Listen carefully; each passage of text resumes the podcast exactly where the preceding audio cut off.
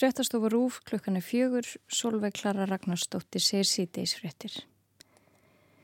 Íslensk kona er alvarlega særð eftir nýfstungu og heimili sínu í sænsku borginni Lundi á laugardag. Manni sem var í fyrstu grunaður um verknæðin hefur verið sleft úr haldi. Í frett sænska ríkisjónvarpsins SVT kemur fram að konan sé um 50 og hafi verið flutt alvarlega særð á sjúkrahús eftir nýfstungu á heimili sínu um miðjandag á laugardag. Vísir hefur eftir lauruglu að konan sé íslensk en fréttastofu hefur ekki tekist að fá það staðfest. Fram kemur í sænskum miðlum að laurugla hafi í kjölfærið hann tekið 45 ára gamlan mann. Honum hafi síðar verið sleft úr haldi og sé ekki lengur grunaður um brott.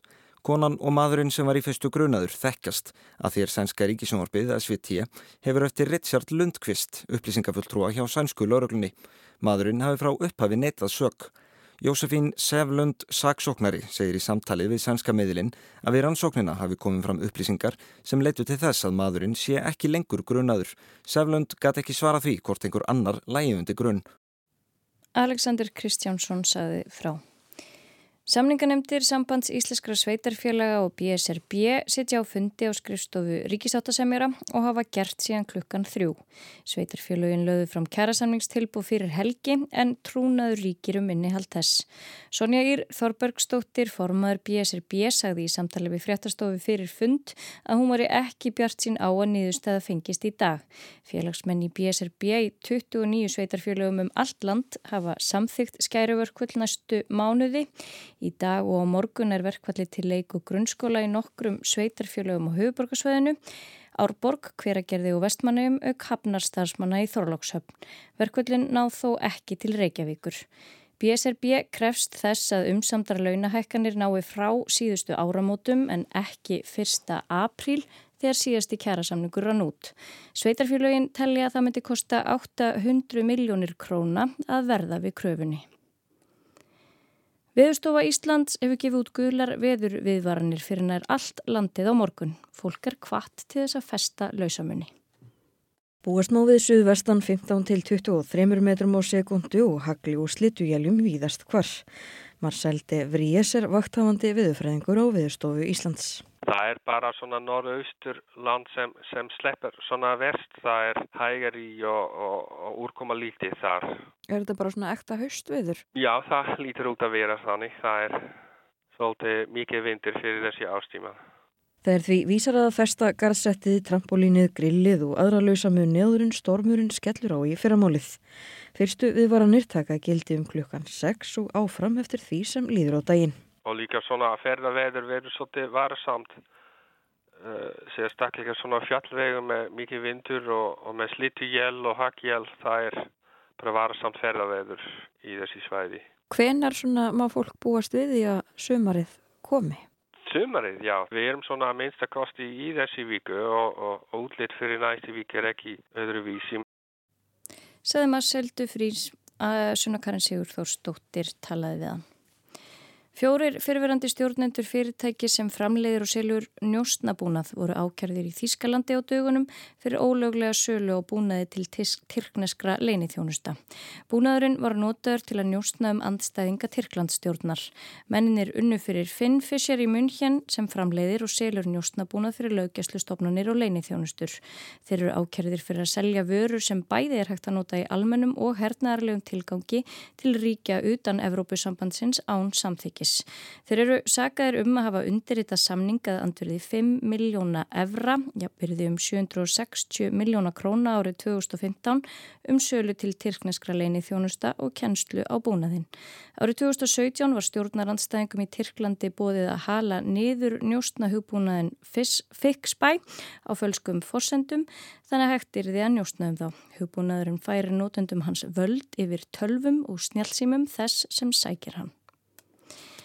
Veður horfur suðlega 8-5 til 10 metrar, skíða með köplum og lengst af þurft en fer að rigna í kvöld. Hversir í nótt og gengur í suðvestan 15 til 23 með skúrum með slittujaljum á morgun, heldur hægari og þurft að kalla norðaustanlands og dregur úr vindi senkt annað kvöld, heiti 5 til 15 stig. Frettir verða næst sagðar í útvarpi klukkan 5, við minnum á vefin rúf.ri sem er stögut uppfæriður. Frettarlistri lókið.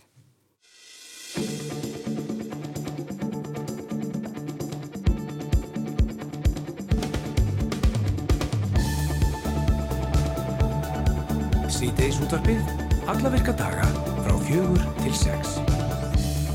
Og það eru Guðrúndís Emirstóttir og Hrafnildur Haldurstóttir sem að stýra þætti dagsins.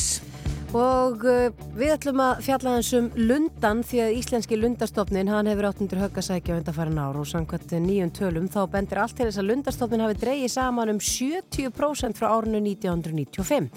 Áður var talið að þessi tölu varu lægri en hver skildi vera helsta skýringin? Við heyrum í Erpisnæ Hansen líffræðingi en hann er einn helsti sérfræðingu landsins þegar það kemur að lundanum og við spyrjum hann, já út í þetta allt saman hér á eftir.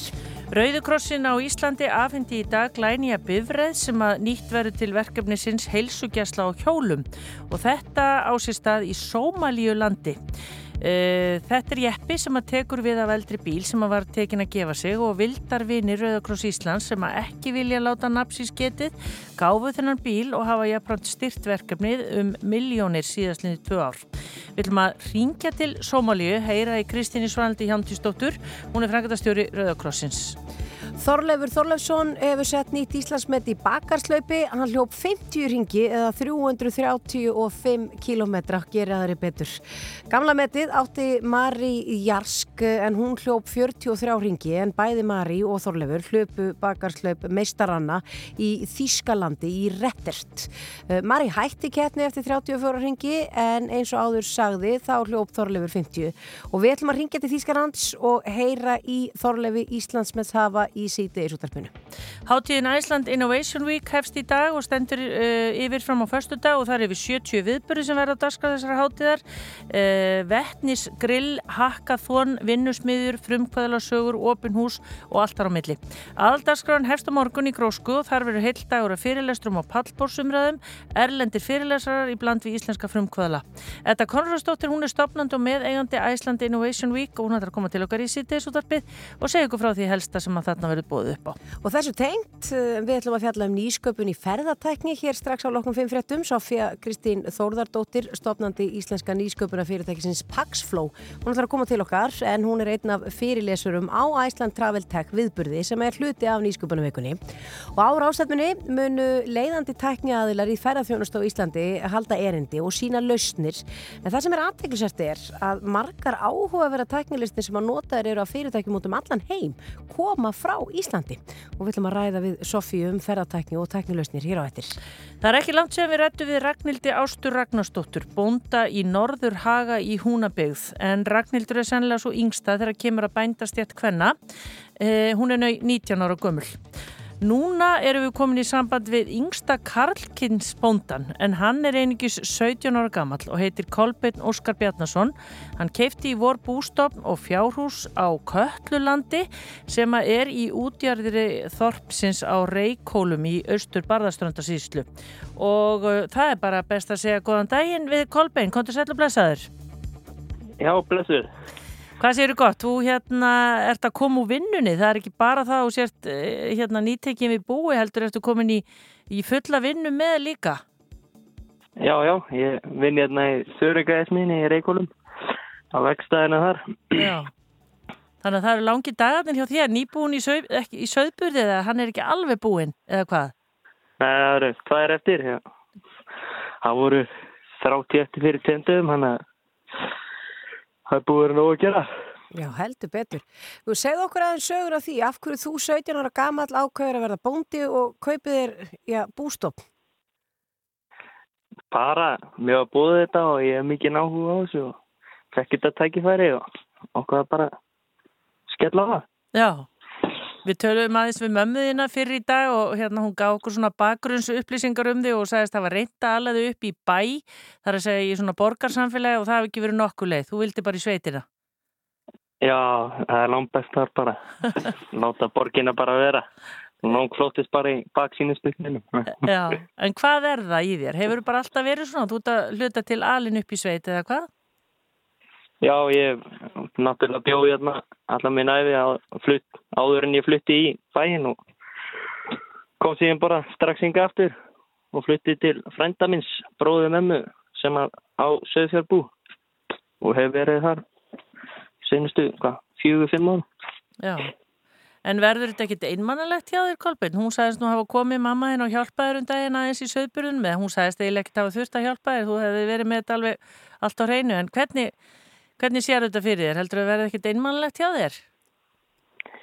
Neinin, það er, ég á svo stóra ættirna á Reykjólum að það er alltaf ykkur í heimsók og alltaf ykkur tilbúin að hjálpa þannig að ég er ekki á ákveða því, sko. Mm. En nú ertu, nú ertu 17 ára þannig að þú ert vantilega komið með bílpróf til að geta keirt til og frá já, bæði þörungaversmiðinni og svo náttúrulega líka til að komast eh, að Köllulandi. Hvað, eh, ertu með margar aðrar stórar vinnuvílar sem þú ert að barndúsast eitthvað á? Ég er ekki með vinnuvílar sjálfur sko, það fylgdi ekki með jörðinni en ég allt kert dráttavílar og svona síðan ég var 8 ára gammal og á nokkra bíla og hellingar leiktækjum að Já, ég hef verið mikið í því. Já, en þarftu að bæta við í einhverjum eh, hérna réttindum hvað það varðar eða hvernig er það? Ég er með vinnvölaréttindi og réttindi ádráttaðar og allt svo leiðis það er allt komið í hús. Það er allt klátt. Hvað hva, hva, hva ertu, með, hva ertu með marga kindur? Það eru rúmlega 220. Já, þannig að þetta er mikið stúrs. Já, þetta er svona dundir í. Já, og svo eru væntalega ykkur önnur dýr, er ykkur hundar eða eitthvað? Nei, það er ekkit svo leiðis en þá, bara Nei. köttur, eitt köttur og, og síðan já, það kemur í framtíðinni. Já, hvað langar þið að gera meira? Hefur þú hérna tök á að taka þér fleiri dýr eða hvernig verður þetta? Nei, ég held að það verður bara rollur og síðan kannski hundur, já. já. En ég held að ég aldrei eftir að bæta við kúm eða neitt svo leiðis á þennan bæ, sko. Nei, en þú sér vantarlega fyrir þér að vera þarna, er þetta, er þetta stórjörð eða hvernig er þetta? Já, þetta er leiðjörð frá hreppnum sko, það eru 24,5 hektarar í túnum og síðan næri þetta eitthvað aðeins lengra þarna, þetta er ekkert eitthvað rosastórt, Já. en þetta er bara flott, þetta er hérna bara rétt við bæinn bara. Þú þarf vantarlega að heia, verður þú þá bara í sumafrí í, þörungaversmiðuna meðan? Já, eða bara eftir vinnu um helgar. Já. Síðan já. Nóttinni. við vorum mynd að reyna, þegar vorum að reyna að leita símanúmurðin og fundum við á Facebook og svo var alltaf að vita vonlustarinn að senda þið. Þú hangir væntalega ekki mikið þar eða glápir á sjónvarpið?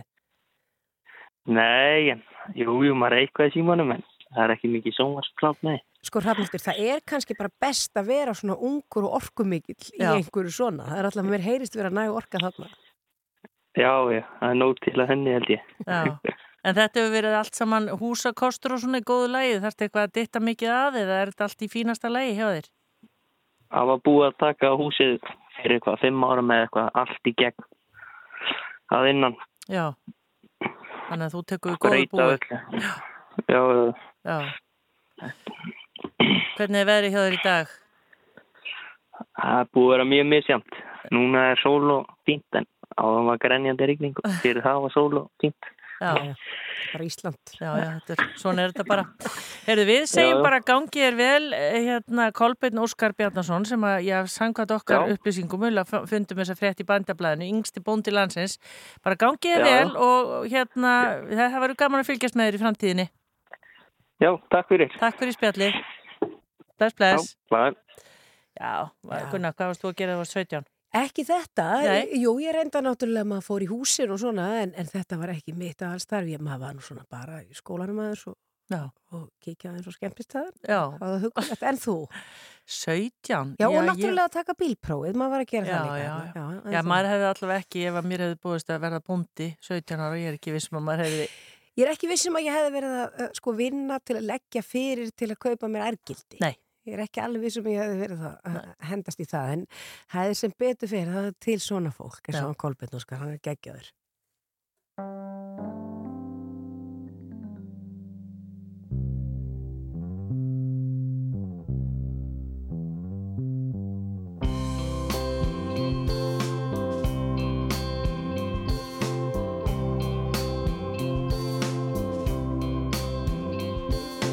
Balmóð síkja bresti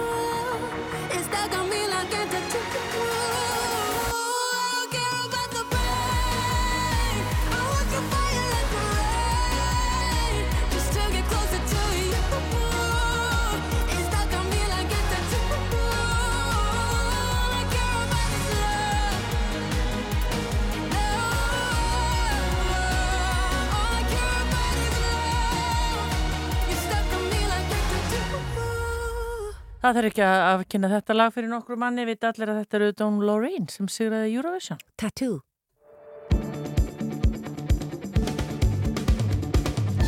En það barust fréttir af því að eh, íslenski lundastofnin er í algjöru lámarki og kannski verri fréttir heldur en búist var við því að það er talað um að hann hafi dreyist saman um 70% frá árinu 19, 1995 og sá sem að veit eiginlega allra mest um þessi mál heitir Erpusnær Hansen og hann er líffræðingur og býr í Vestmanneum og starfar þar og hann er á línu. Kontur sætla blessaður? Selveriði. Já, ég hefur bara byrja á því, Hva, hver er nú helsta skýringin á þessu og þessi fallegi fugg sem við viljum nú hafa bara sem mest af hér á landi? Já, þetta er nú kannski e, svo sem ekki, þetta eru svona ný tólkun á, á tölum sem hafa nú sem, verið til við tölum en, en sem sagt e, sveip, Lundin sveiplast mjög stert með sjáarhýta í allarsæðinu og við höfum séð þetta gerast í 140 ár og stóra spenningin hefur eiginlega verið af hverju þetta gerist. Þetta eru 50% upp og niður, þannig að þetta er mjög stóra sveplur, halvur stofnin fyrir upp eða nýðs að setja. Og um, ég veitur kom, að rækti á, á grein sem að sýnir einmitt þetta sterkar samband við sjáar þetta og svo það sem hann er að geta á vituna og þá niður allar saginu og sem er ljósáta mikið. Henni fækkar um helming þarna á þessum 95 til 99 þegar við missum um það byrj helmingina umföglastofnunum okkar þarna úti líklegast. Og þetta held ég að sé skýringin á þessum stóru hýtast tengslaði sveiflum og, og svo þessum stoppsveiflum og þetta er ekki bara lundin, þetta er, þetta er lundin um all land og þetta er líka fleiri tegundir sem að eiga sér svömmu vetrastuðar en svo fíl að hluta til. Það eru líka að fara svona bombi fyrir, fyrir á síðustu öll og, og, og þetta svona snýr alltaf eiginlega, passar eiginlega allt saman þessi, þessi, þessi hugmynd að þetta sé svona aðal málið og þetta gerir sér bara fyrir, fyrir alltaf mót. Þegar stofnin er endar í alveg ótrúlega sögulega stóru hámarki En svo það sem við hefur verið fréttu núna síðan hvað 2005 cirka til 15 eða eitthvað þannig, þá hafa verið mörg mjög slæm ár sérstaklega í Vestmanni. Það er annað fyrirbæri og er ekki beint tengt þessu en það er svona, það er mikið senkun á, á, á hérna, vorblómanum og, og og hérna það er annars þess að tímabill sem er svona öðruvísi eðlis, annars eðlis og hefur orðið til annað fækuna skeðum okkur 40% á, á þessum stofni miðað uppastölunar 95 sko. Þannig að stofnin í heild hefur farið niður um allavega 70%. Við vitum ekki alveg hvað veiðitölur eru 100% áraðanlegar. Það eru allavega svona lámastölur en er sennilega er þetta meira og hversu mikið mér þá fyrir þetta alltaf áallega en, en, en hérna sens að þessi stopn hefur verið eiginlega ósjálfbara veiður úr honum síðan 95 það hafa verið vita svona samkvæmt tölur sem að bæða hafa verið getnur til ungustofnan og svo sem ég sjálfur hérna frá eigin 3,4 miljónir fugla frá, frá 95 Mm. En hvað getur þú frækt okkur aðeins um lundan bara fyrir þá sem að kannski veit ekki neitt? Meina, hvað, hvað verður með að lundi gamall og, og hvað er mikið af honum hér? Þetta er lækengastu fuglina á Íslandi og reyndar líka mest þetta. Það eru, e, þetta hafa líklega verið, er svona, þetta er vinnutölun en þetta hafa líklega verið um 8 miljónir para þarna 95 einhvers leið sem komin í þrjá ár núna. Og það er þá talað um varpur. Síðan er að yfirleitt ef að stofnin er í erluastandi þá er svona álega mikið umfuglum sem er ekki verpandi. En þetta er hansi stór stofn og þótt að mingi gríðarlega þá er það það mikið af, þeim að, hérna, það sumir satt sjá þetta allar það er erfitt að sjá þetta.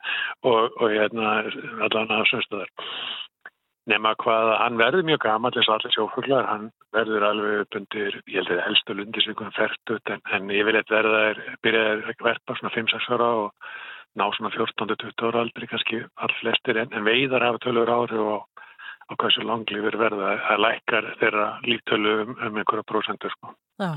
En, en er þetta þá bara ekki, já, deinu ljósar að það þurfa að banna að minnstu kosti veiðar þó að þær kannski bjargi ekki öllu? Jú, sko, reynda má nú alveg segja það að veiðar hafa farið úr svona 250.000 uppgefna eða svona í fyrir hluta þessa tíðanbils uh, frá 95 niður í setni árið 25.000 en það hafi líka verið aukning í veiði fyrir norðan.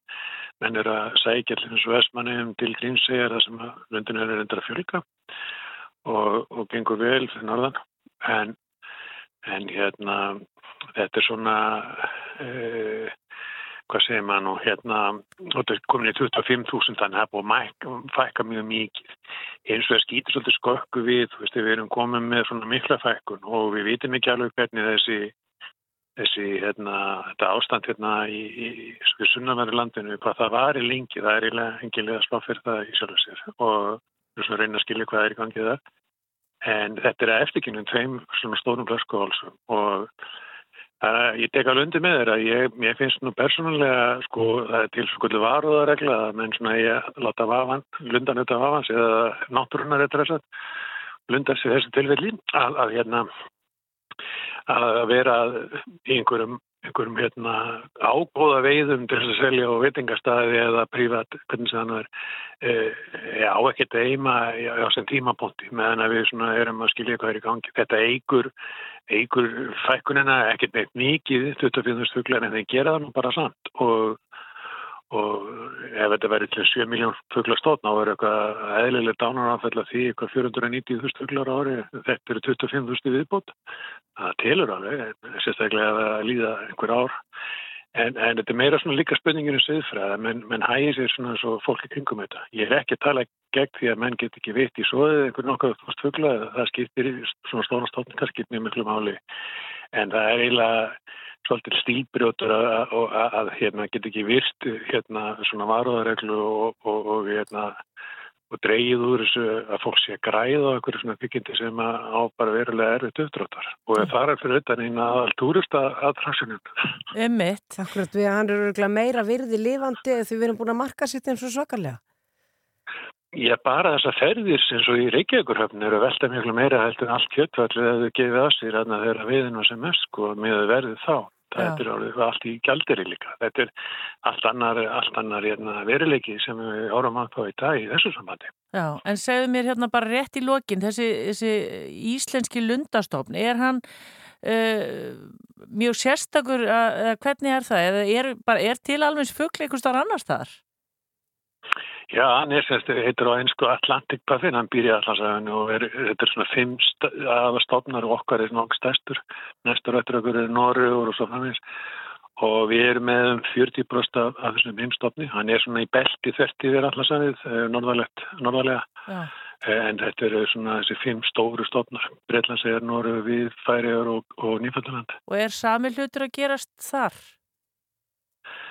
Nei, það er mismöndi. Það er hæg fækkun í, í Breitlandsegin, það er nú sílið er að gefa eftir þar og í Noregi lifa það á síld og þar hefur verið gríðarlega fækkun. Í Lófóten, stærsta varpið var í, Lófóten eigunum. Þar fór hann nú yfir miljónpörum og er konið 200.000 líklega hverfa á næstu áratugum uh, þeir hafa lifa síld og, og síldin er nú reynda komin aftur en, en hann hafa sér öðru í sig þannig að hann ná ekki í hana Það er einn ástæðan fyrir hann er á rauðum álista al alþjóðlega og þegar þess að íslensku fekkunatölur, bara þess að sem að nýlu, þess að síðan 2003 komið, á, komið í ljós og þá, þá var hann aukinn hérna settar herri álista. En svo er þessi saga sem ég er að segja frá núna í þessu, þessu, þessu nýlu umfylg sem er ekki kannski beinlist nýmið frá 95-99. Það verður svona rosalega fekkun líka sem að Ég er náttúrulega bara viðbútið við söguna að þetta er, er áframhaldandi bryllingsaga sem að menn verður aðeins að setja þetta í starra samingi er svona hugmyndin hjá mér sko, og, og aðeins svona hugsa sem gangaður en að bara halda alltaf áfram í samægt nýrinu. Já, einmitt. Verður áhugavert að fylgjast með þessu, vonum að þetta, hérna, já, að þessi þróun haldi allavega ekki áfram í þessa átt. Erpur Snær Hansen, lífræðingur, takk kærlega fyrir að segja okkur allt um lundan. Sumleðis, takk. Takk. Takk.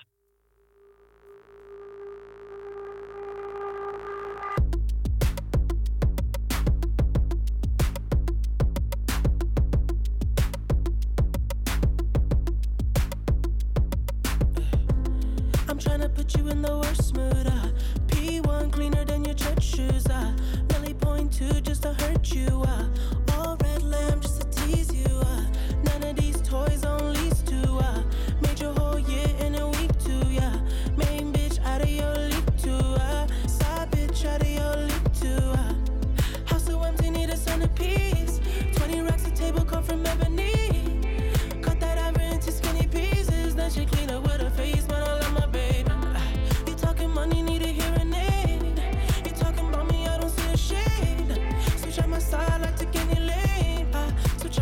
if I kill any pain. Look what you done. I'm a motherfucking star boy. Look what you done. I'm a motherfucking star boy. Every day a nigga try to test me, yeah. Every day a nigga try to end me, yeah. Pull off in that roadster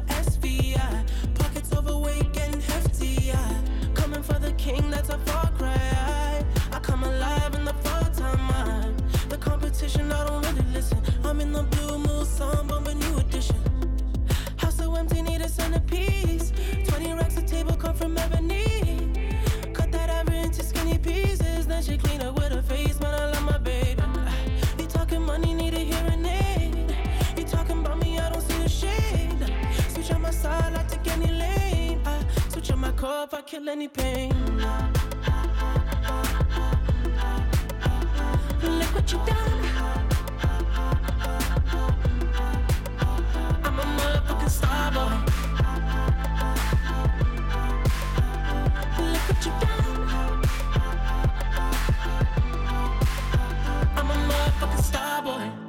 Let a nigga Brad Pitt, legend of the fall, took the year like a bandit. Bought mama a crib and a brand new wagon. Now she hit the grocery shop looking lavish. Star Trek roof in the Wraith the Con. Girls get loose when they hear the song. 100 on the dash, get me close to God. We don't pray for love, we just pray for cause.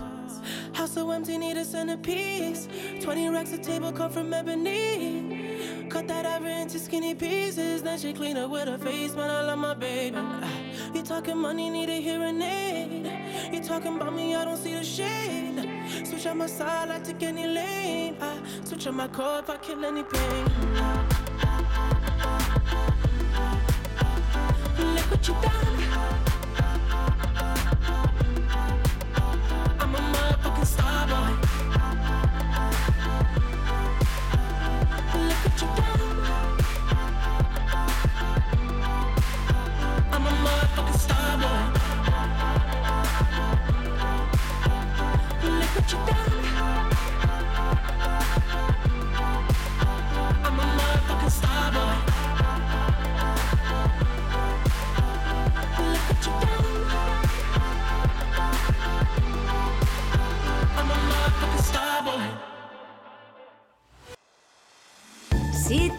Útvarpið alla virka daga frá fjögur til sex.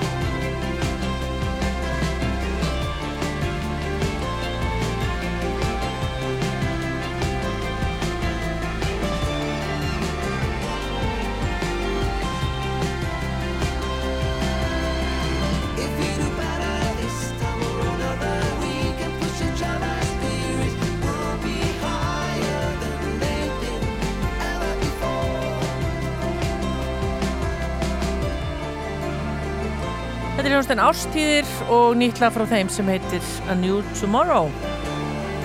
Háttíðin Iceland Innovation Week, uh, hún hefst í dag og stendur yfir fram á fyrstu dag og það er yfir 70 viðbyrði sem verður á dagskrafháttíðarinnar. Uh, það er hérna vettniskrill, hackathon, vinnusmiðjur, frumkvöðlasögur, opin hús og allt á milli.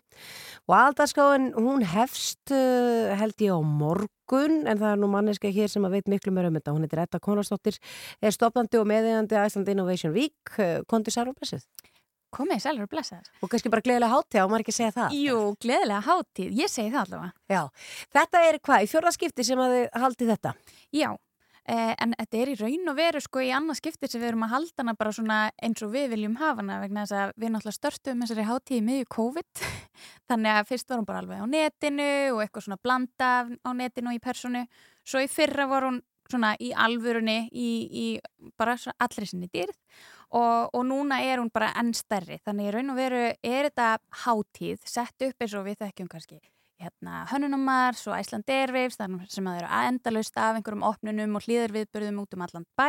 Þetta er bara sama setup nema fyrir nýsköpunar geiran og nýsköpun bara þvert á allar atvinnugreinar uh, meiri segja aðeins inn í svona listageiran, rosalega mikið um loftslagsmál líka. Og, og við um vona á tæplega 400 manns að koma erlendis frá. Vá! Já. 400 manns? Já. Þannig að það er, úr, mest af því er úr loftslagsgeiranum. Þannig að þess að eins og hátíðin er sett upp að þá erum við með fullta samstarfsaðlum sem er að standa fyrir viðburðum og það er um 70 við, viðburður í gegnum alla vikuna. En svo eru við sjálfar í svona festivalteiminu að standa fyrir okkar eigin viðburðum sem þarf svona miða inn á. Og, og það er svona ráðstefnuprógram sem verður nýri í grósku á morgun og, og þar erum við til dæmis með hérna, Guðna Fórseta, hann er að fara að koma að tala við frumkvölin Söfu í mæ um tungumálatækni og framtíðina þar og við erum að fara að fá aðilagur úkrænska startup umhverfinu að tala um nýsköpun og umbrótatímum við íslenska alþingismenn og bara allt, allt þar á milli, þannig að nýsköpun í allri sinni mynd. Þannig að það er morgundagurinn hjá okkur og svo á miðugudaginn þá erum við nýri hörpu með svona það sem ég kýsa að kalla loftslags leikús eiginlega þar sem við erum að blanda saman hérna, frumkvölum og fjárföstum og aðilum úr loftslagsgeiranum, bara fremstu aðilum heims e, í bland við íslenska listamenn á e, sviði inn í hörpu þar sem við tökum bara Silfurberg og breytum því bara svona neðansjávar heim og við erum bara búin að fá endalaust af netum, bara úr brim og klæðum alla upp bara í sjóklæði og, og höfum þetta svolítið svona leikúslegt og svo er, erum við að blanda saman bara panelumræðum við íslenska listamenn sem stíð á svið og flytja tónlist og, og svo framvegist þannig og síðan um kvöldi þannig í hörpu þar eru við með verðlunaháttíð sem heitir Nordic Startup Awards. Þannig að þessir þrýr póstar eru svona það sem maður þarf miða inn á. En svo eru bara endalust að viðburum gegnum alla vikuna og út föstu daginn sem að þarf engan miða inn á, bara hver sem er almenningur getur komið á. Uh -huh. En hverju er þetta á Íslandi? Meina, hvað, eru, við, við framalega í þessum geira eða hvernig er það? Já, við erum nefnilega bara mjög framalega í nýsköpunumálum og alls konar sviðum, bara hvert sem maður horfir, hvort það er í heilsutækni sem að tók bara stökk eftir COVID eða fjártækni, við erum að sjá nýja fyrirtækina Indo sem er ekki banki, samt Mhm. banki veist, það er alls konar, hvert sem maður lítur rosalega mikil gróska í gangi og, og svo vorum við náttúrulega líka rosalega sterk í, í hérna, gaming eða tölvuleikjum og, og svo framvegs en, en hérna, en síðan finnst okkur svolítið skemmtilegt að sko við erum með þessa stóru loftslagsráðstefnu og, og sjálfbærni er svolítið rauðu þráðurinn í gegnum hátíðina og okkur finnst svolítið gaman að halda það á Íslandi vegna þess að hérna sjáu þið bara áhrif loftslagsbreytinga svo bara, bara beint fyrir framann nefið á okkur. Jöklanir er að bráðuna hér. Við sjáum það fyrir framann okkur. Þannig að okkur finnst það mjög áhugavert og við erum líka svolítið svona miðpuntur á milli Ameríku og Evrópu. Þannig að það er búið að vera auðvelt að fá fólk til þess að fljúa inn á ráðstefnuna sem svona milli, millipunkt sko. Já, en ef þú hugsaður um bara almenning sem er að hlusta okkur núna og er kannski ekki tengt þessum gera, er þetta að hugsa fyrir fólk bara af gödunni? Algjörlega. Og sko ástæðan fyrir að við stopnum þessa hátíð, ég og meðstopnandi minn, nún Melgurska, er að okkur langa að gera nýsköpun aðgengilega öllum og svolítið sína hvað hún er þverfæli. Þetta er ekki bara hérna fólkið sem er að starta startupi og drekka bjór og spila fúsball og eitthvað svona heldur, er þetta alvöru grein og bara hugvitið er í raun og veru bara útflutningsvara, þetta á að vera eina bara stóðum efnahagslífsins okkar. Og við erum svolítið að taka svona þverskurðin af íslenskri nýsköpun og, og opna svolítið á hana. Þannig að til dæmis bara í gegnum alla vikuna þá er hægt bara að vera að lappa í bæ, droppa inn á skrifstofu hjá einhverju spennandi startup fyrirtæki, heyra hvað þau eru að gera og það á mannamáli. Svo eru kannski einhverjir aðrir sem eru bara djúft inn í einhverju ákveðinni grein, hvort sem að það er einhver tæknivara, þú veist, þá getur bara hoppað inn í hérna, össur og, og heyrt að vera að tala um einhver, einhver trend í gangi í, í þínum geira í raun og veru, þannig að veist, þetta er alls það er konar einhvern veginn allt í bóði. Það er allt í bóði. Og þetta væntarlega, þess að við segið, fjórðaskipti sem er að halda þetta, annarskipti sem er að halda þetta svona eins og þið viljið gera það, þetta er væntarlega komið til að vera.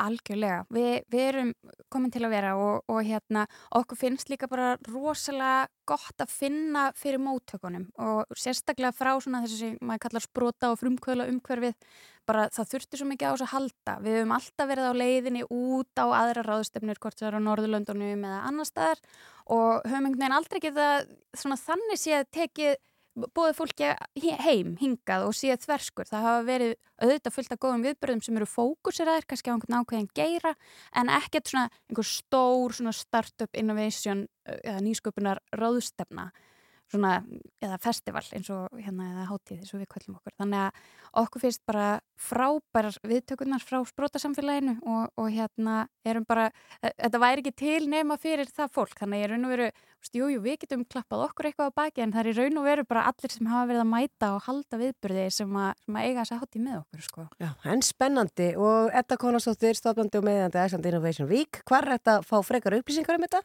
innovationweek.is þar er hægt að sjá allt prógramið og, og, hérna, og ef að fólk er með miða þá kemst það inn á hérna, lokaða prógramið og loftslagsleikursið og, og fleira og ef ekki þá bara getur það mætt og hérna, á einhverja af þessum 70 viðbörðum gegnum vikuna. Þetta er frábært.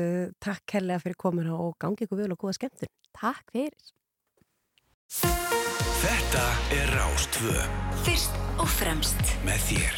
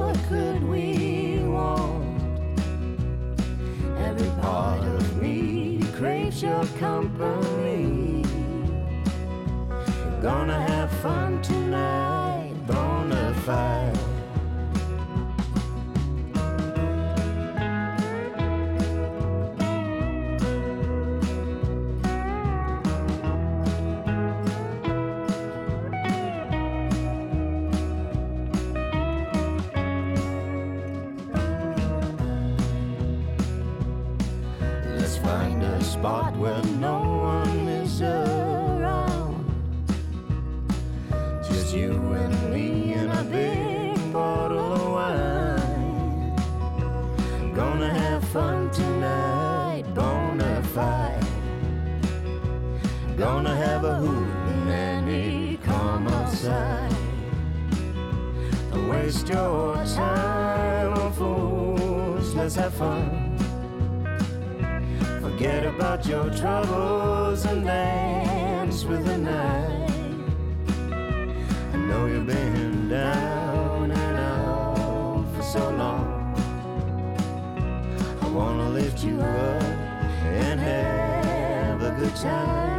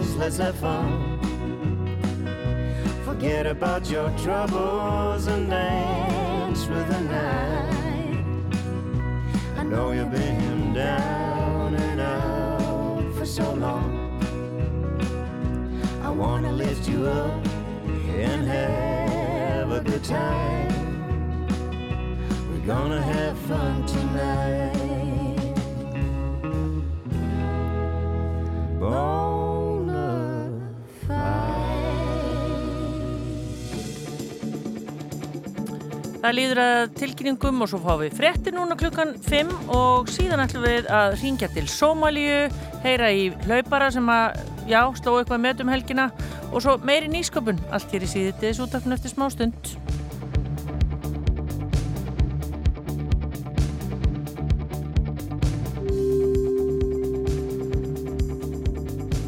Bankabygg er úrvals Íslands heilkorn, móður jörð, vallanesi. Startarar alternatorar ljósbógin.is Velkomin á kynningu á styrkjum Nordic Culture Point á þriðudaginn klukkan 17 Norrænahúsið. Fjarnámi vinnu fas.is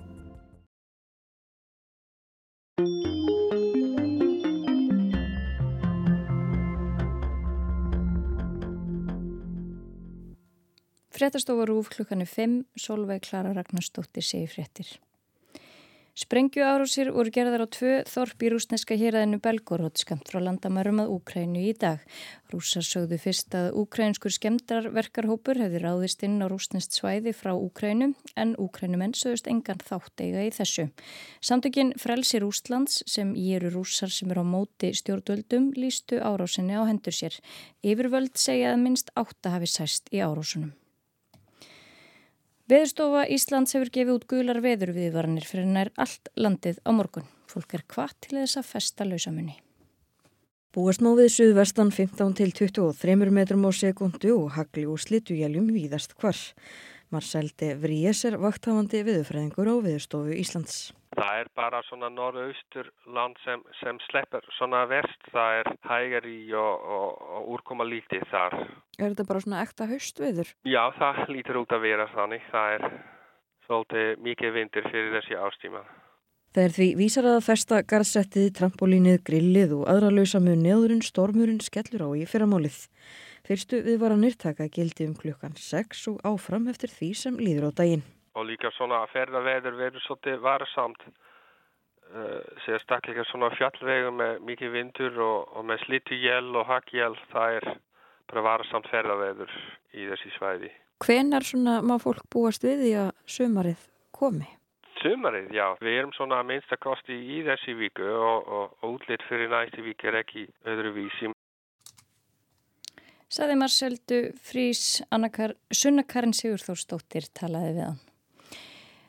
Samningarnemndir sambands Íslenskra sveitarfjöla og BSRB sitja á fundi á skrifstofu ríkisáttasemjara og hafa gert síðan klukkan þrjú. Sveitarfélagin lögðu fram kjærasamningstilbú fyrir helgi en trúnaður ríkir um innihald þess. Sonja Ír Þorbergsdóttir, formaður BSRB, sagði í samtali við fréttastofu fyrir fund að hún væri ekki bjart sín á að niðurstaða fengist í dag.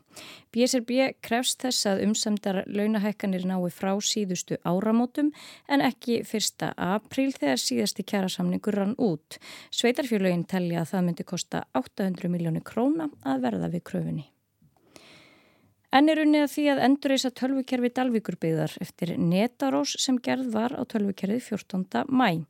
Í tilkynningu af ef Dalvíkurbyggðar kemur fram að ekkert bendi til þess að þau sem stóðu fyrir árásinni hafi komist yfir gögn úr tölvukerfum sveitafélagsins þá hafi tekist að endurheimta öll gögn úr afreitum. Kvöldrættir verða sagðar klukkan 6, frettalistri lókið. Þú ert að hlusta á síðdeis útvarfið á Rástvö. Já, við höldum áfram í sítegisútubinu og við vorum að tala um Innovation Week, nýsköpuna viku hérna áðan og við erum alls, aldeilis ekki hægt að tala um uh, nýsköpun. Nú ætlum við að fara að fjalla um nýsköpun í ferðartækni. Sofja Kristín Þóradóttir, stopnandi íslenska nýsköpuna fyrirtækisins Paxflow er hingað til okkar komin. Uh, hún er einna fyrirlesurum á Iceland Travel Tech sem er viðburu sem er hluti af þessari nýsköpuna viku. Og á rástefnunni þá munu leiðandi tækni aðilar í ferðarþjónustu á Íslandi halda lausnir. Það sem er aðteklisvert er að það eru margar áhugaverða tæknilausnir sem eru að nota þeirra fyrirtækjum út um allan heim en þær koma frá Íslandi. Auðvitað erum við alltaf best í öllu. Auðvitað. Það er bara, Það er bara þannig. Uh, en bara velkomin, Sofía. Kæra þakkir, takk fyrir að fá mig. Uh, eigum við kannski bara að byrja á því að fara yfir þetta orð ferðatækni. Bara hvað er þetta? Já, ferðatækni er náttúrulega tækni sem er notuð til þess að um, hjálpa til í ferðarþjónusti í rauninni. Bara tækni lausnir í ferðarþjónusti, það er ferðatækni. Hugbúnaður, eitthvað skona lausnir sem að eru annarkort notar til þess að bóka ferðir eða til þess að halda utanum ferðir eða ferðarskipulag eða í rauninni bara létt okkur lífið á einhvern nátt. Þetta eru alls konar lausnir. Áður fyrir fór maður sko til áferðarskurstofi og beigði röð Já. eftir að maður fekk viðtal við ráðgjafa. Svo fekk maður svona, ég það gömur sko, fekk maður flugum meðan og þetta var svona pakki. Einmitt. Tók með sér heim, þetta er búið. Já, það er svolítið, hvenær fórstu síðast að ferðarskristöðu? Það er mjög langt síðan, já, já. En þetta er alveg rétt í þar og undarfærin ár þá er búið að fókusa mjög mikið á þetta að við kunnum alltaf bóka á netinu, við kunnum alltaf bóka okkur ferðir og hvort það er flug eða hótel eða bílalegu bíla eða eitthvað annað. En núna er rosalega mikið að vaksa í rauninni tækni sem að heldur utan um eitthvað annað tengt ferðarþjónustinni, ekki bara það að kaupa og hérna lausnir eins og Paxflow sem er að hjálpa ferðarskipuleikindum að halda í rauninu utan um verkverðlana sína og hvernig þau framkvæma ferðirnar, hvernig þau taka móti gestum, hjálpa þeim að sjálfvirknifaða verkverðla sem eru oft tímaferkir í framkvæmt og bregðast náttúrulega við alls konar hluti sem koma upp hjá ferðarþjónustinni. Við veitum það að þessi grein, hún er náttúrulega algjörlega mögnuð, hún er alltaf að lenda í ykkur, hvort það heitir COVID eða gjaldtrótt flugfila, þá er hún líka að díla við bara uppakomir sem að gerast að hverju minnsta degi, hvort það er veðrið eða, eða náttúröflin hérna á Íslandi bara kalla fyrir að hrista sig og fyrstu fréttir eru ferðarþjónustu fyrirtæki kanselar öllum ferðum á jökul eða eitthvað slíkt og, og þetta eru náttúrulega viðböri sem geta haft gríðarlega áhrif á ferðarþjónustu fyrirtækin Mhm. og þau eru búin að hafa fyrir því að selja ferðir og verða svo kannski bara af tekjum hérna á svipstundu af því að eitthvað svona kemur upp á. Og þá er um að gera að geta mitt bröðist við og hérna bóðið viðskiptafinnum sínum upp á eitthvað aðra möguleika. En í dag er þetta oftast gert þannig að, að hérna að vinna úr einum svona degi sem þarf að afbúka, það er stundu bara margrætt að vinna hjá ferðarstofyrirtækjum Já. og Paxflow er til dæmis að hjálpa fyrirtækjunum að gera þetta miklu hraðar í raunin að leysa úr þessu bara með tækninni. Ég meina, hvernig, hvernig er það til dæmis bara gert? Það er bara til dæmis gert með því að, að viðskiptavinnir, ferðarminnir fái skilaboð, til dæmis með SMS-i, um að nú þarf að fresta ferð út af einhverju og í e, skilabóðinu geta þeir brugðist strax við sjálfur, bara með því að velja þann kost sem þeir vilja. Hvort þeir vilja fá endugreitt eða bóka í ferðdægin eftir eða jafnvel fá vátsir og koma síðar. Þannig að það er alls konar möguleikar í bóði sem að hægt er að gera til þess að reyna að halda í viðstæðin. Þannig að fyrirtækin í rauninni kaupa þjónustuna af ykkur Já. og svo taki þér svolítið við. Já, við, við erum í rauninni sköffum tæknina fyrir, fyrir, fyrir ferðarþjónustu fyrirtækin.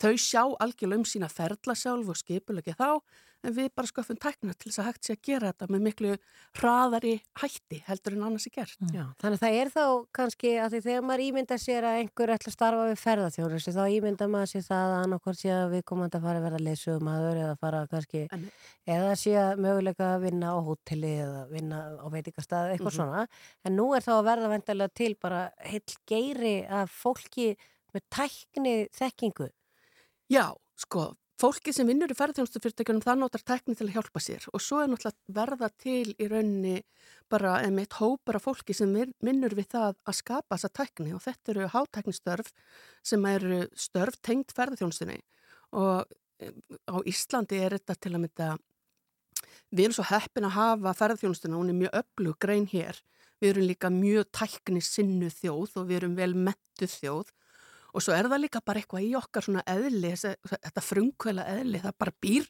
innra með okkur og hérna, þannig að mér finnst Æsland vera algjörlega ákjósanlegur staður til þess að skapa emitt svona lausnir og ég held að það sé emitt þess vegna sem að við í rauninni stöndum svona framalega í ferðartækni. Já, en fór þetta einhvern veginn sprakk þetta algjörlega út í COVID?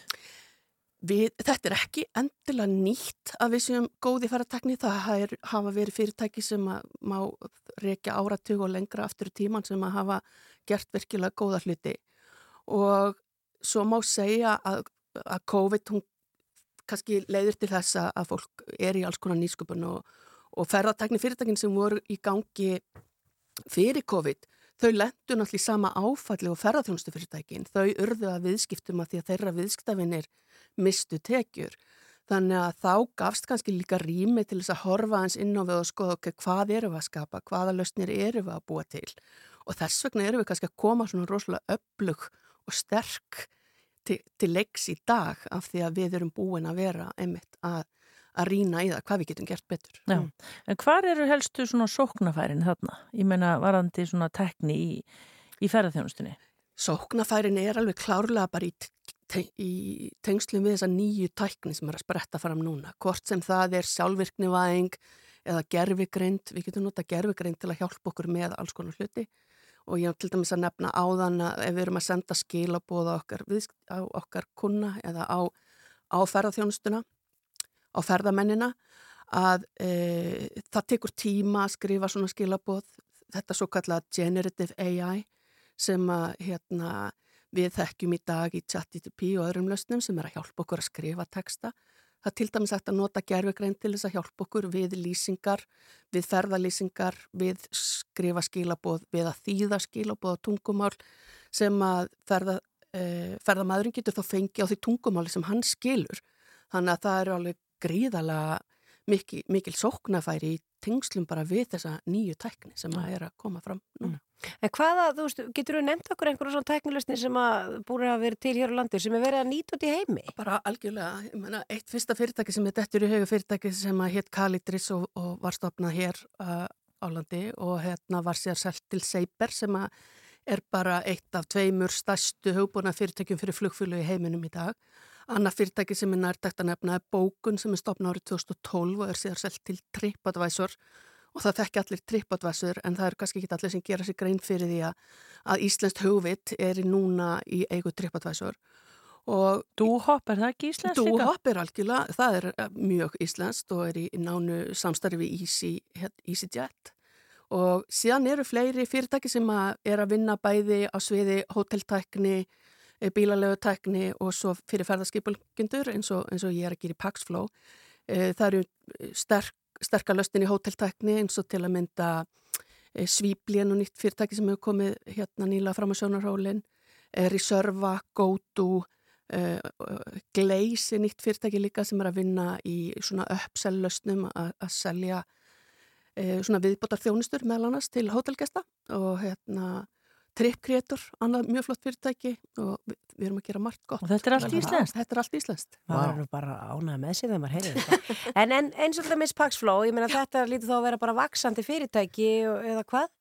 Já, vaks, eh, Paxflow er glænýtt. Við rauninni bara hérna, stopnum sjálfsagt fyrirtæki um þessa löst sem að sprettur út úr eh, ferratæknin sem var að vera að vinna inn í Orgó. Eh, Félagi nýbúið að fá eh, fjármögnun til þess að þróa löstina en frekar og, og, og fókusa á vöxt á erlenda markaði. Það eru núna sjö starfsmenn sem vinna og koma að þróum Paxflow og við erum bara að ráða fleira fólk. Uh, og, og hvernig fólk ráði því? Verður erum, fólk að vera tölvufræðingar? Við erum bæði að ráða fólk sem er teknimentað í tölvunafræði eða verkfræði en við erum líka að ráða fólk í þjónustu og sölustörf og fólk sem er þá að hjálpa að færa þjónustu fyrirtækjum að, að hérna, leysa á þeim vandamál sem kom upp já, hjá þeim. Þannig að það er, já, blanda. Þetta er spennandi. Þetta er, þetta er framtíður, Hamildur. Jú, jú, jú. Þetta er bara svolítið þannig. Og þið verðið, þú verður allar að vera hérna hluti en ísköpunarveikunni. Já. Ef einhverju vilja fara og kynna sér þetta, veistu hvernig þetta er? Og... Já, algjörlega. Það er þetta að kynnast þessum fyrirtækjum betur á Iceland Travel Tech viðbörunum sem verður á 50 daginn í Grósku klukkan 1. Já og þar verða þessi fyrirtæki sem ég var að minnast á nokkur með erindi og að sína lausni sínar og allir velkominir þangað. Það er óðum að seljast upp hann í hvet fólk endala til að fara og reyna að tryggja sér miða með að, með að skrási og svo mætast nefna og hérna og það er að finna allt um þetta á vefsið bæði Íslenska ferðarklassans og hjá ferðarmálastofu sem að standa að þessum viðbyrju. Þetta er í fymta sinn sem þessi ráðstöfna fer fram mm og líka hægt að finna þetta á Facebook síðan þessar aðla, Æsland Traveltech að maður letar að því. Já, Ísland besti heimi við bara erum spennt fyrir þessu. Sofía Kristín Þorádóttir, stofnandi Íslenska Rískupuna fyrirteksins Paxfló, takk fyrir komuna og gangiði vel í vikunni. Já, ég er það ekki fyrir mig. Þú ert að hlusta á síðdeis útvarfið á Rás 2.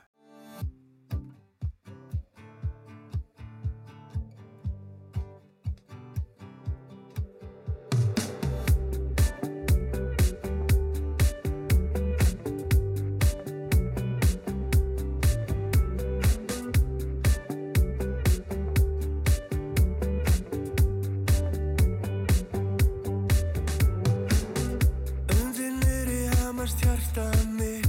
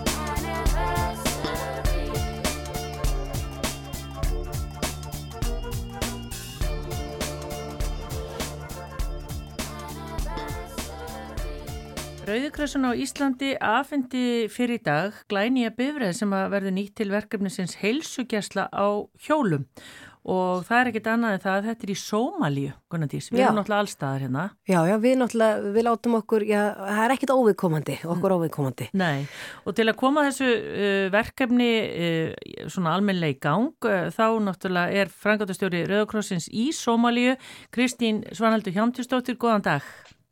Já, góðan daginn, góðan daginn. Segð þú okkur uh, að, aðeins af þessu verkefni, við heyrum náttúrulega að því eftir uh, hérna, hérna þetta er sem sagt jeppi sem er keiftu fyrir fjö frá velgjörðar fólki, en hvernig og hvenar fór þetta verkefni af stað? Sko þetta byrjaði árið 2017 og þá er það í rauninni mat sómalska rauð, rauða hálmannans og það þurfi að, að bjóða upp á heilsugjæsla og hjólum. Svo er þetta eins og frú Ragnöðu sem við sinnum á þremur svæðum á Íslandi að við förum með heilbyrjusþjónusta til fólksins en fólki kemur ekki inn á heilsugjæslu sem sagt, í, í, í, eða inn á spítala heldur. Það er farið með af stað í bíl með hjúkurnafræðingi, ljósmaðurum og, og bílstjóra og, uh, og bóðið upp á grunn, svona grunn heilbreyðstjónustu Já. á, á svæðunum meðal hyrðingja í Sómalíulandi. Við erum í Sómalíulandi sem sagt, þar sem að þetta verkefni hefur verkefni hefur verið í gangi frá 2017 og upp í fyrstu þá notuðum við bíl sem við fengum, keiftum hérna í Sómalíu, eldri bíl og hann alltaf algjörlega úrsikengin og Rauðukrossun í Íslandi er svo heppin fyrst að eiga mannvinni sem styrkja okkur mánaðarlega með framlögum og bara takk mannvinnir og ekki bara það heldur að við eigum leinivinni Rauðukrossin, við eigum velgjur af fólk, fólk á Íslandi sem tók sér saman og ákvað að styrkja þetta verkefni og hefur rekið verkefninu á síðustu tvö ár því það kostar auðvitað að kaupa lifin og halda bílunum við og svo framvegis. Og bílinn sem var að gefa upp öndina núna bara í vetur fyrir jól að þau tóku svo vel í það að, að, hérna, að styrkja verkefni með því að kaupa hennilega bíl sem kom í núna bara fyrir örstuttu frá Dubai hinga til Somalilands. Já, og hvernig bifrið er þetta? Þú veist, þið eru með, já eins og þú segir, heilsugjæslu inn í bíl, þetta lítur að vera dálítið trökkur. Já, þetta er nefnilega ekki trökkur, þetta er hérna bara jeppi og uh, er með búnaður, með, með öllu dótun í, sem sagt, öllum livjum og, og, og netupókum og, og, og fræðslefni og svo framvegis. Þau eru búin að koma sér fyrir á fimm stöðum, hérna, ég geti ímyndað ykkur, þetta er ekki eigðumörk, þetta eru svona, uh, svona bur, að svona li, li, tre, trjásvæði svona hér og þar, þetta er alltaf afskaplega þurrt og þau finna sér tré, stórt tré sem breyður út greinar sínar, setja upp borð, setja upp uh, lítið, lítið svona sem búið að smíða til þess að mæla hæð barna, eru með vikt og, og eru síðan með skrá allt regluna niður og, og fylgjast með börnunum og eru úti. En, en bílinn sjálfur er, kerur með starfsfólkið og all, gögn, og all, all líf og allt sem þarf að fylgja með. Já, þannig að þau Þannig að- fara þá bara bara úti. skugga trjána og, og eru þarna og reka í rauninni heilsugjæslu á þaðan. Já, reyka heilsugastanlega það, en við sem í dag, við vorum að koma, fórum á vettvang í dag og afhendum bílinn. Og uh, það var, hvað, 32 steg hitti, en það var skjólsælt undir trjánum og undir þessu tríi sem að, sem að mæður, það voru tvö tré, það var sérst mæðravendin, fórast, var undir einu tré og ungbarna eftirliti undir öðru. Og svo það sett upp svona örlítið tjald, svona minnir á óskaplega lítið partítjald eins og við notum heima í gorðanum hjá okkur, þar inni er, er svo maður að skoðunum, að litlum hérna. bekk. Já. Og þetta er, uh, fólk er mjög ánægt með þetta og þetta er náttúrulega eins og, eins og bara í dag, það voru krakka þegar börnum voru bólusett og það var eitt lítill þryggjára með lúnabólgu, hann kom bara með svona æðalegg, hafði fengið fyrir viku og, og voru að fá síklarlif og verkjalif og síðan voru, uh, var mjög skemmtilegt hérna í maðuravendina, það voru konur sem voru að tala við ljósmörna og, og fengu statist að það er, óléttar og, og þá kom, verður fylgst með þeim áfram. Og, og það er verið að þjálfa hér upp sjálfbóðilega á svæðanum því að ljósmóðurinn kemur náttúrulega á hvert stað bara tvísvar í mánuði. Þess að bílinn kemur á hvert stað tvísvar í mánuði en það er unnið sex daga vikunar, er frí á föstudum þá er, þá er þeirra sunnudagur sem sagt og um, já, og þau hérna er verið að þjálfa sjálfbúðulega rauðahálmánans hérna á svæðunum til þess að taka á móti börnum og það er mikil ánægð með það. Já, Uh, en Kristín, þetta lítur að vera, já, þetta er náttúrulega bara dæmi um það sem að Rauðikrossin uh, vinnur að. Er þetta svona bara eitt verkefni auðvitað fjölmörgum eins og til dæmis í Afríku? Já, við erum, sko, Rauðkrossin á Íslandi er í rauninni á þremur stöðum í Sierra Leone, í Somalíulandi og í Malawi og svo hefur við líka eh, brugðist við áköllum, til dæ- til dæmis eh, fæðu skorti í Suðu Sútan og, og sendt inn fjármagn en við erum með verkefni í þessum þremur löndum sem í landi. Og þau eru svona einsum toga en hryggjast ekki í öllum verkefnum okkur er að styrkja konur og börn og, og konur, unga stúlkur til að komast í skóla. Og það er gert með ýmsum hætti, til dæmis það, það litla atrið sem okkur finnst að, að hafa aðgang að tíðavörum, að það er orðið blæðingum að þú fá, getur fengið dömubindi og, og annað. Og ekki bara það, heldur líka nálagt skólanum þínum sér salerni fyrir stúlkunar, þar sem þær geta nota salerni og þrifið sig og geimt ótið sitt. Það, ver, það skilur því að, að þær mæta í skólan þó þau séu á blæðingum og geta bara verið í skólanum. En áður þar sem ekki er, eru salerni við skólan þá eru stúlkurnar bara heimi á sér og missa það jafnvel vikur skóla sem munur heldur betur um það. Og, um, og, og eru heima með. Það, bara svona atriði og það er hægt að, styrkja þetta verkefni til þess bara heima sig í Rauðakrossins í, í, í rafrænum gjöfum Rauðakrossins. Nú eða gerast mannvinir, þetta er, veist, er örl, örlítill peningur sem þetta kostar að, útbúa þetta. Þannig að, en tryggjast ekki þeir eru styrkja konur og börn, það er svona, og, og, og vatn og vassöryggi og fæðuryggi og, og slikt, sko. Já, einmitt. En þetta lítur þá að hafa verið bara mikill gleðidagur, auðvitað bara fyrir Rauðakrossin, fyrir velgjörða fólkið og bara fyrir okkur öll að geta hjálpast eh, svona að. Já, þetta, þetta er alveg ótrúlega, þetta, þetta, þetta er var mikil, mikil, mikil ánægðu dagur og er, er, er en við erum alveg ótrúlega glöð með þetta og, og ég vil, ef, ef að þið ágæta fólk sem að eh, hafa stutt verkefni okkar er að hlusta ráðstöðu eins og allir eru auðvitað að gera, að þá vil ég bara þakka ykkur eh, hjónum persónulega fyrir ykkur alveg frábæra framlag og, og, og ég vil líka þakka mannvinnum Rauðakrossin sérstaklega fyrir því að það er kraftaverk sem þeir vinna á hverjum degi með, með stuðningi sínum í verkefni Rauðakrossins. Ég meitt bestu kveði til þín, Kristín Svanaldur Hjóndjústóttir í Sómalíu, það er svo langt í burtu, manni finnst alveg magna hvað sambandið er gott. Já. Já, þetta er bara sem ég segi í stúdíu hjá okkur. Já, bestu Já. til ykkar og allir, allir sem eiga eitthvað hérna aflögu að kíkja inn á vefsíðun ykkar Rauðikrossin á Íslandi. Takk innilega fyrir, takk, Takk fyrir okkur, takk fyrir mig. Bless, bless. Bless. Já, bless. Síðdeis útvarpið. Á Rástfö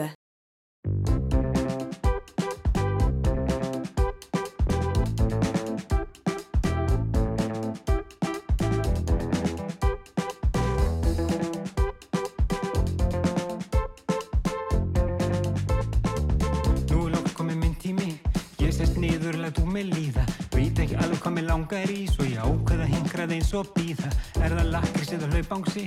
Bara það sem veldur ekki bakflæði.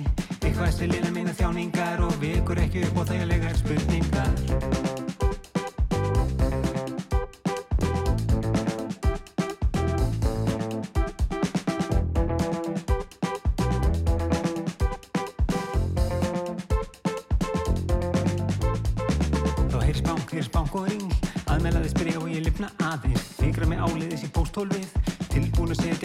gólfið Bý mig undir eitthvað dúndur hest. Ekki eitthvað umöðlegt hverstags stress Bara það sem mín langar nýr Og kemur mig langlegin út á dansgólfi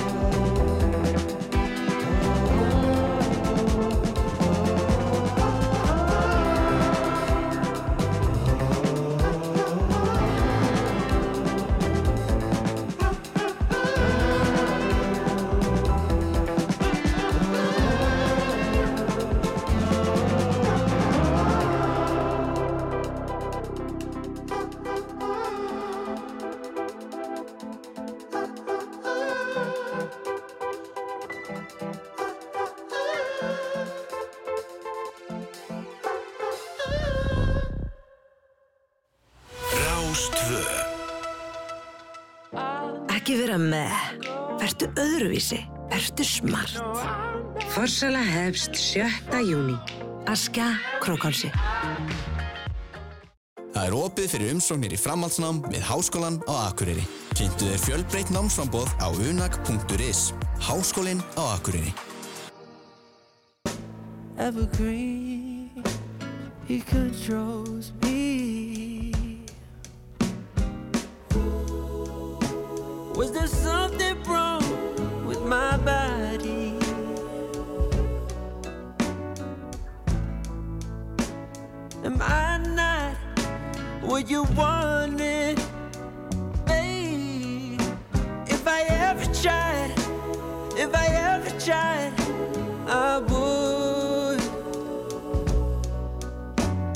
Evergreen.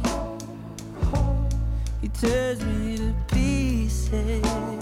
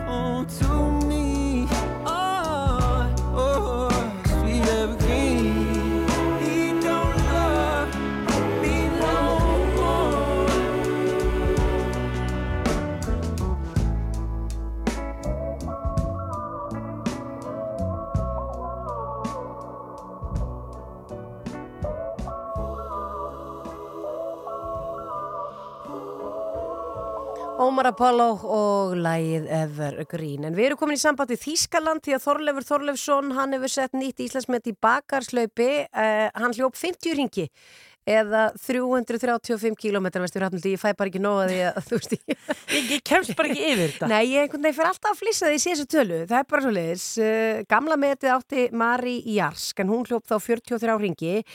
Þau voru bæða keppa í Þískalandi en uh, Mari hætti held í keppni eftir 34 ringi en Þorleifur, hann fór 50 ringi og hann er vakandi sem er svo ótrúlega en satt. Kondur sett og blessaði Þorleifur. Já, góðan daginn, takk fyrir það. Og til hamingju með þetta. Herri, já, takk hérlega fyrir það. Þetta, takk, takk. Já, þú, hún segir sko, þú Ég er svolítið, ég er svolítið, ég er svolítið, ég er svolítið eins og herri, ég er svolítið, hérna, hauslaus. Ég er Þreytulegur. hérna, ég klá- kláraði morgun klukkan eitthvað og kom svo heim hérna og náði nú að sopna í síska tvo tíma og var svo vekki núna þegar það er ykkur og að það búin að reyna að koma í gangi hérna í cirka klukkutíma. Æj, æj. Já. En hva- hvar er þér ílt, þóluðu? Bara reynar að útskýra fyrir okkur sem að, sko, getum valla hlaupið kílómetr. Mér er nú eiginlega bara sko, mest illt í uh, já, hvað segir, bara svona veginn í ég er bara þreyttur andlega, ég hef þetta urni ég er bara búin að vaka þetta stóð sólrenga ég er eiginlega bara mest illt þar, í vakandanum, já, hvað hann heitir. Ég er bara gríðarlega þreyttur. Hmm. uh, en svo náttúrulega líka með allir auðmur og, og þreyttur. En, en það er bara andlega sem ég er svona vel, vel þreyttur Já. Hvað gerir maður eftir svona? Menn, ertu að fara í eh, kaldan pott eða hvernig, hvernig bara þóla öll liðamót þetta og allir vöðvatnir? Já, uh, ég er náttúrulega í Þísklandi hérna, ég er hérna í réttert bænum þar sem að hlaupu valdið og uh, heiminn á mig þar er ég með kaldan bótt og heitan bótt en ég er með kvorus hérna á hotellinu þannig að, uh, ég er búin að fara í heita störstu, það er einu sem ég er náða, náða hérna þess að gefa mér. En það væri hérna, svo er hérna bara gríðarlega heitt hérna úti, það er líka eitthvað sem ég er alveg núna alveg svona, það er mjög heitt hérna. Já, hvar er, en í rauninni er það bara núna það er bara kví, kví, kvíld já, það er bara að kvíla núna. Hva, hvar er þetta í Þýskalandi? Heri, þetta er uh, klukkutími frá Frankfurt og bærin heitir Rettert. Þetta er mjög lítið bær hérna og þetta íbúðfjöldin sé cirka svo sami og Stokksegi og það er eitt hótel og, og hérna og utan á hó- hótelin er síkartisjálfsali það er eina sem við getum kipt hérna í bænum. Þannig að og svo er henni bara þegar ára í aðra átt og þá er það smá bær með bensinstöðu og þannig að Já. Þannig að þetta er svona bara, já, eins og þú segir, þetta er, er ekki mikið þarna, en, en þorlegu þegar maður er búin að hlaupa já, þessa 335 kílómetra, hvað langar mann að fá sér að borða eins og í kvöldmattin í kvöld? Heyrðu, það er góð spurning, ég var nú alveg komin svo langt. Uh, en allavega áðan eftir að ég hérna uh, já, ég hérna uh, ég sett, kemur nefnir náðum að leggja mér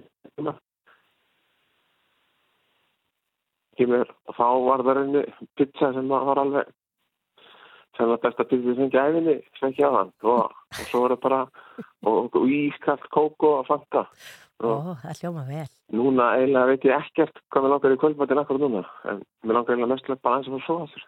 Já. Já. En hvað hérna drýfur þið nú áfram í þessu? Getur þú líst því? Er þetta bara þetta setja sér eitthvað markmið og reyna svo að ná því? Þetta er náttúrulega bara, uh, þú veist, þú, þú ferð og hleypur, byrjar þegar hleypa skemmti skokki í, í Reykjavík marathóninu og svo tekur næsta við og næsta við og, og þetta er eiginlega bara, hérna, markmið verða alltaf einhvern veginn lengur, lengur lengur klikkar og klikkari. Og síðan er henni, þegar henni í sem bakvæðsleitum, þá finn ég það bara, ég er bara gríðarlega góður í þessu. Og þannig að þá er náttúrulega um að gera fara á linni í því bara og það er það sem gríðum áfram ég er bara veist, ég er alveg á heims hérna mæli hvað í þessu og þannig að það er, það er bara nóg, nóg til að kveikja neistan sko Mm. Og nú ertu búin að ná Íslandsmetinu og setja nýtt Íslandsmet. Ég meina, seturu, stopparu hér eða er, er það bara heimsifir áð? já, ég ætla að ég láti þetta duga í hérna allavega í sumar og fanga til í haust þá er ég að fara þá er ég að fara á henni heimsmeistarakefnina í bakarsöfnum sem verður haldið út í uh, Tennessee. Og, og hérna það er sem sagt það verður bara markmið að bæta bæta bæta neitt markmið allavega. Þannig að það er alveg klárlega það sem að næsta markmið er að bæta yttinsmyndi Mm. Þá lefur þegar að þú ferð að því að nú, úst, það eru margir að núti sem á stund einhverslas líkasækt eða heilsurækt og einhverju fara út að hlaupa og það er bara skrepp í ræktina og einhverju fara í, í svona kallabólta, í fótbolta eða eitthvað. Þegar þú segir við konu, er ég ætla að skrepp út að hlaupa, Hvað reiknar þú með að þú veri lengi að heiman þegar þú tekur bara svona venjulega æfing á þriðdegi? Já, það er, ég er að, sko, ég er rauninni ekkert að hlaupa svo óbótt það mikið, en sko, nú erum við að passa verið ekki með, þegar maður er að tala um, sko, sín hlaup og svona, maður er að pröfa að passa að tala ekki með ómikið svona hróka, en ég er að hlaupa svona kannski milli 70-100 km viku. Og, og um helgar þá er, er ég að fara stiðstu æfingarna, það eru tveir tímar og svo er það stundum upp í fjóra, fimm og alveg upp í, já, kannski rauninni tíu klukkutíma, þá kannski tekum maður bara tíu bakar syngi. Uh, en svo er ég svo langsamur að kona mín er líka sem sagt uh, hlaupari, hún, hún sem sagt, ég sá hennan hlaupa alltaf bara fyrst og síðan rauninni uh, smitaðast hún smátt og smátt og hún að hlaupur hún líka alltaf með okkur um helga og við erum komið með svona stór börn sem að eru bara fegin að og pappi séu bara komið ekki heim, heim, fyrir bara eitthvað tíma eftir hátti og er ekkert að- er ekkert eitthvað að baka sig og vekja sig og svona já, Já, þetta er æðislegt. Þetta er svona eins og bara í golfinu og það. Þurfa, fólk þarf að vera í þessu saman. já, já já, það er náttúrulega er náttúrulega eitt mikilvægt í svona, það er náttúrulega stuðningur og, og, og, og hafa góða baki hafa alltaf konum, fann alltaf og, alltaf krakkarnir, þau náttúrulega eru að gefa af sér og henni að fórna yngur ymsu og hérna þannig að það, það, þetta, þetta er þetta er alveg liðs í íþrótt sko. Og þá alveg, hver er allir að koma heim? Herri, við erum flug á miðvikudaginn og þannig að og það var alltaf svo sem bara markmið að, já, kannski ekki markmið en við vorum allavega alveg tilbúin að missa fluginu ef, að, ef það færi út í það en, það uh, fór ekki alveg svo langt allavega. Nei. Þú reynir bara að sofa þanga til. Að- Ef ekki þá sefur bara í vélinu og leiðinni heim. Já, við gerum það. Takk hérlega fyrir spjallið Þorleifur Þorleifsson og bara til hamingi með þetta og ég endur tök töluna 335 kilometrar eða 50 ringir. Já. Þetta er eitthvað magnað, já. Við byrjum að heilsa frúnni, bara bestu kveður og þú færðir uh, aftur pítsu held ég bara í kvöld. Takk fyrir að vera á línni hjá okkur í síti í. Herri, takk hérlega, takk fyrir. Bless, bless. Já, kuna, þetta er eitthvað svo ótrúlegt. Þetta er svo ótrúlegt. En hann greinlega er þannig hann þorleifur, hann getur bara hlaupið endalust. Þetta er bara, ég myndi segja, ef þú 50 ringir, Já, já. 335 kilometrar, það er endalust. Já, ég menna eins og segir, styrstu æfingurnar tveir tímar og, og, og, og svo getur þetta fara upp í tíu tími melgar. Það er, Já. löng, það er ansi lönga Svo talaðum á golfi, það ekki langa tíma. það tekur ansi langa. En vá, við mögum vera stolt á honum. Þetta er frábær árangur. Þetta